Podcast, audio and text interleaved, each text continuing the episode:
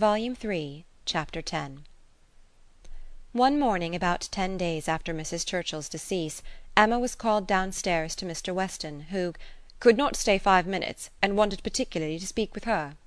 He met her at the parlour door, and hardly asking her how she did, in the natural key of his voice, sunk it immediately, to say unheard by her father: "Can you come to Randalls at any time this morning? Do, if it be possible. Mrs. Weston wants to see you. She must see you." "Is she unwell?" "No, no, not at all; only a little agitated. She would have ordered the carriage and come to you, but she must see you alone, and that you know," nodding towards her father. "Ahem! Can you come?" "Certainly. This moment, if you please. It is impossible to refuse what you ask in such a way. But what can be the matter? Is she really not ill?" "Depend upon me, but ask no more questions. You will know it all in time. The most unaccountable business! But hush, hush!" To guess what all this meant was impossible even for Emma; something really important seemed announced by his looks; but as her friend was well she endeavoured not to be uneasy, and settling it with her father that she would take her walk now, she and Mr. Weston were soon out of the house together and on their way at a quicker pace for Randalls. "Now," said Emma when they were fairly beyond the sweep gates, "now, Mr. Weston, do let me know what has happened." "No, no," he gravely replied, "don't ask me. I promised my wife to leave it all to her; she will break it to you better than I can. Do not be impatient, Emma; it will all come out too soon." "Break it to me?" cried Emma, standing still with terror. "Good God! Mr. Weston, tell me at once. Something has happened in Brunswick Square. I know it has. Tell me, I charge you, tell me this moment what it is." "No, indeed, you are mistaken." "Mr. Weston, do not trifle with me. Consider how many of my dearest friends are now in Brunswick Square. Which of them is it? I charge you by all that is sacred not to attempt concealment." "Upon my word, Emma." "Your word? Why not your honour? Why not say upon your honour? That it has nothing to do with any of them. Good heavens! What can be to be broke to me, that does not relate to one of that family?" "Upon my honour," said he very seriously, "it does not. It is not in the smallest degree connected with any human being of the name of Knightley." Emma's courage returned, and she walked on. "I was wrong," he continued, "in talking of its being broke to you. I should not have used the expression. In fact, it does not concern you; it concerns only myself; that is, we hope. In short, my dear Emma, there is no occasion to be so uneasy about it. I don't say that it is not a disagreeable business, but things might be much worse. If we walk fast we shall soon be at Randalls." Emma found that she must wait, and now it required little effort. She asked no more questions therefore, merely employed her own fancy, and that soon pointed out to her the probability of its being some money concern, something just come to light, of a disagreeable nature in the circumstances of the family, something which the late event at Richmond had brought forward. Her fancy was very active. Half a dozen natural children perhaps, and poor Frank cut off! This, though very undesirable, would be no matter of agony to her; it inspired little more than an animating curiosity. "Who is that gentleman on horseback?" Said she as they proceeded, speaking more to assist Mr. Weston in keeping his secret than with any other view. "I do not know. One of the Otways. Not Frank. It is not Frank, I assure you. You will not see him. He is half way to Windsor by this time." "Has your son been with you, then?" "Oh, yes. Did not you know? Well, well, never mind." For a moment he was silent, and then added in a tone much more guarded and demure: "Yes, Frank came over this morning just to ask us how we did." They hurried on, and were speedily at Randalls. "Well, my dear," said he as they entered the room, "I have brought her, and now I hope you will soon be better. I shall leave you together. There is no use in delay. I shall not be far off if you want me." And Emma distinctly heard him add in a lower tone before he quitted the room: "I have been as good as my word. She has not the least idea." Mrs. Weston was looking so ill, and had an air of so much perturbation, that Emma's uneasiness increased, and the moment they were alone she eagerly said: "What is it, my dear friend? Something of a very unpleasant nature, I find, has occurred. Do let me know directly what it is. I have been walking all this way in complete suspense. We both abhor suspense; do not let mine continue longer. It will do you good to speak of your distress, whatever it may be." "Have you indeed no idea?" Said Mrs. Weston in a trembling voice. "Cannot you, my dear Emma, cannot you form a guess as to what you are to hear?" "So far as that it relates to Mr. Frank Churchill, I do guess." "You are right. It does relate to him, and I will tell you directly," resuming her work and seeming resolved against looking up. "He has been here this very morning, on a most extraordinary errand. It is impossible to express our surprise. He came to speak to his father on a subject, to announce an attachment." She stopped to breathe. Emma thought first of herself, and then of Harriet. "More than an attachment, indeed," resumed Mrs. Weston. "An engagement a positive engagement. What will you say, Emma, what will anybody say, when it is known that Frank Churchill and Miss Fairfax are engaged nay, that they have been long engaged?" Emma even jumped with surprise, and horror struck exclaimed, "Jane Fairfax! Good God! You are not serious? You do not mean it?" "You may well be amazed," returned Mrs. Weston, still averting her eyes and talking on with eagerness, that Emma might have time to recover. "You may well be amazed, but it is even so. There has been a solemn engagement between them ever since October, formed at Weymouth, and kept a secret from everybody not a creature knowing it but themselves, neither the Campbells nor her family nor his. It is so wonderful that though perfectly convinced of the fact, it is yet almost incredible to myself. I can hardly believe it. I thought I knew him." Emma scarcely heard what was said.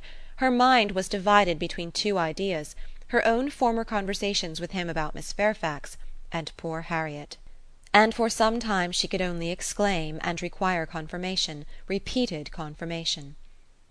"Well," said she at last, trying to recover herself, "this is a circumstance which I must think of at least half a day before I can at all comprehend it. What! engaged to her all the winter, before either of them came to Highbury?"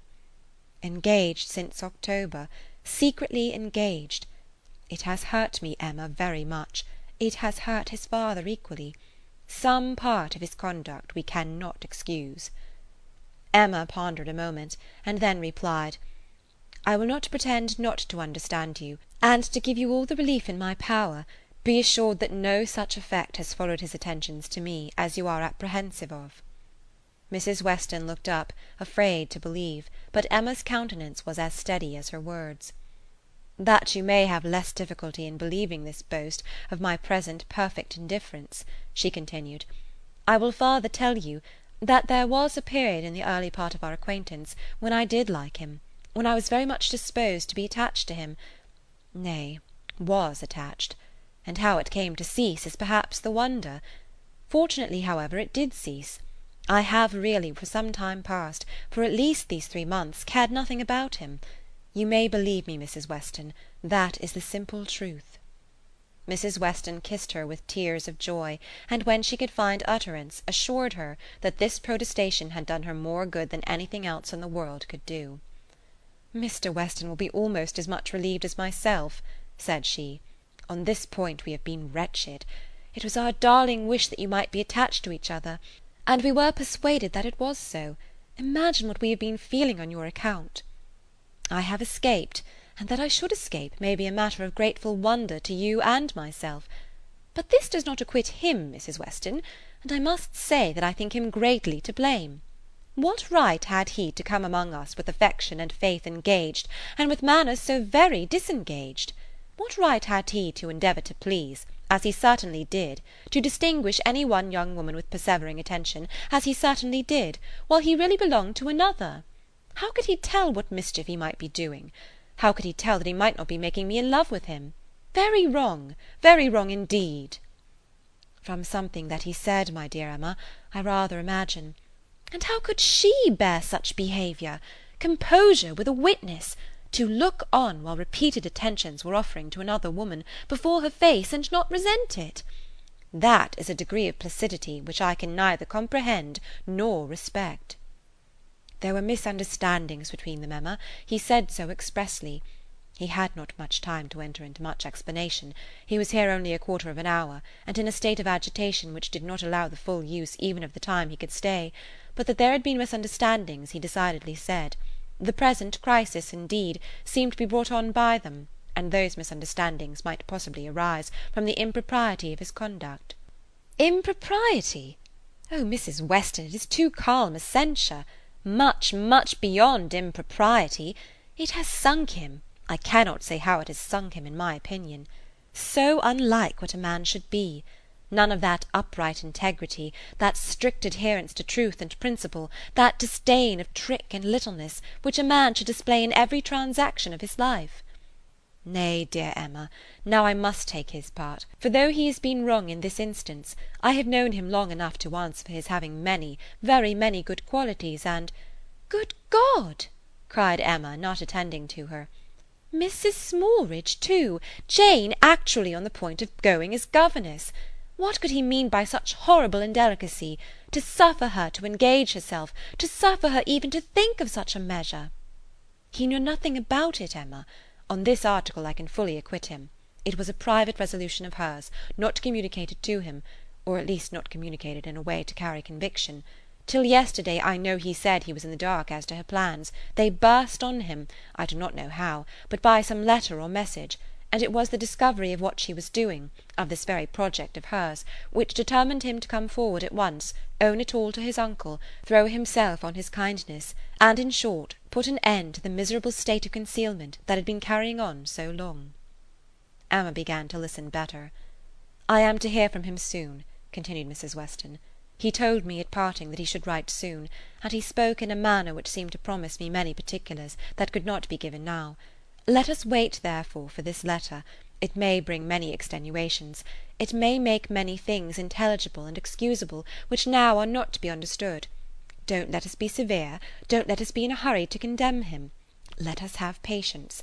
I must love him, and now that I am satisfied on one point, the one material point. I am sincerely anxious for its all turning out well, and ready to hope that it may. They must both have suffered a great deal under such a system of secrecy and concealment. His sufferings, replied Emma dryly, do not appear to have done him much harm. Well, and how did Mr. Churchill take it? Most favourably for his nephew, gave his consent with scarcely a difficulty. Conceive what the events of a week have done in that family! While poor Mrs. Churchill yet lived, I suppose there could not have been a hope, a chance, a possibility; but scarcely are her remains at rest in the family vault than her husband is persuaded to act exactly opposite to what she would have required. What a blessing it is, when undue influence does not survive the grave! He gave his consent with very little persuasion. Ah, thought Emma, he would have done as much for Harriet. This was settled last night, and Frank was off with the light this morning. He stopped at Highbury, at the Bateses, I fancy, some time, and then came on hither; but was in such a hurry to get back to his uncle, to whom he is just now more necessary than ever, that, as I tell you, he could stay with us but a quarter of an hour.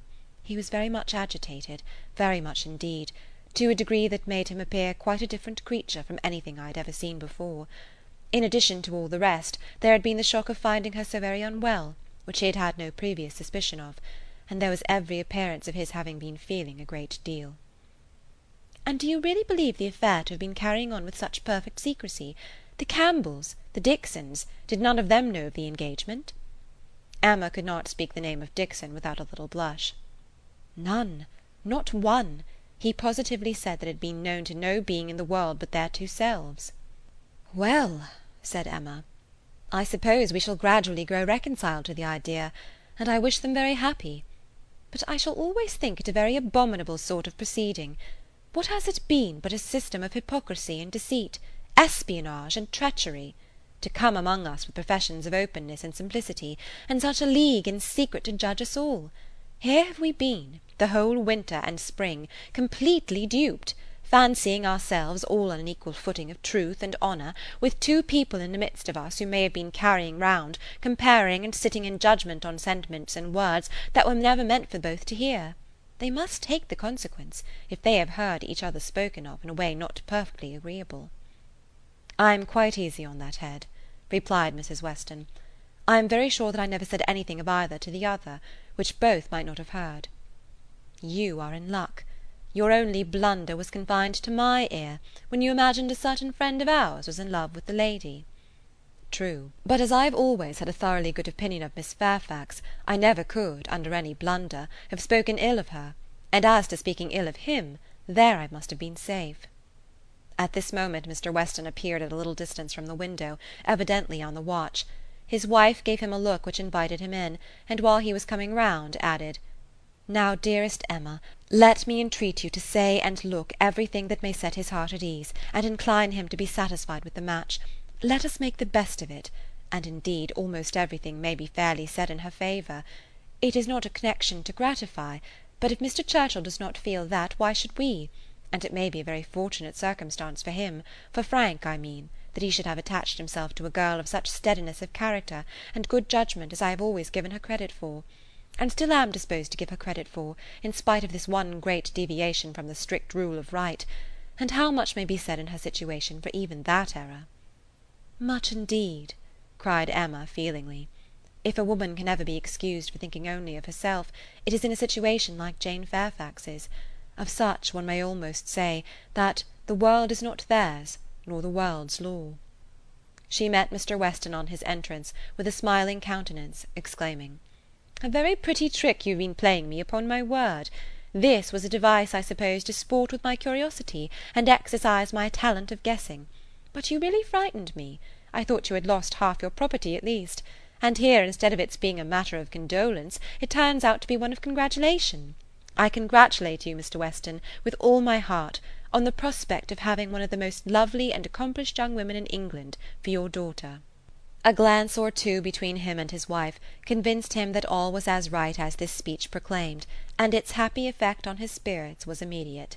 His air and voice recovered their usual briskness; he shook her heartily and gratefully by the hand, and entered on the subject in a manner to prove, that he now only wanted time and persuasion to think the engagement no very bad thing.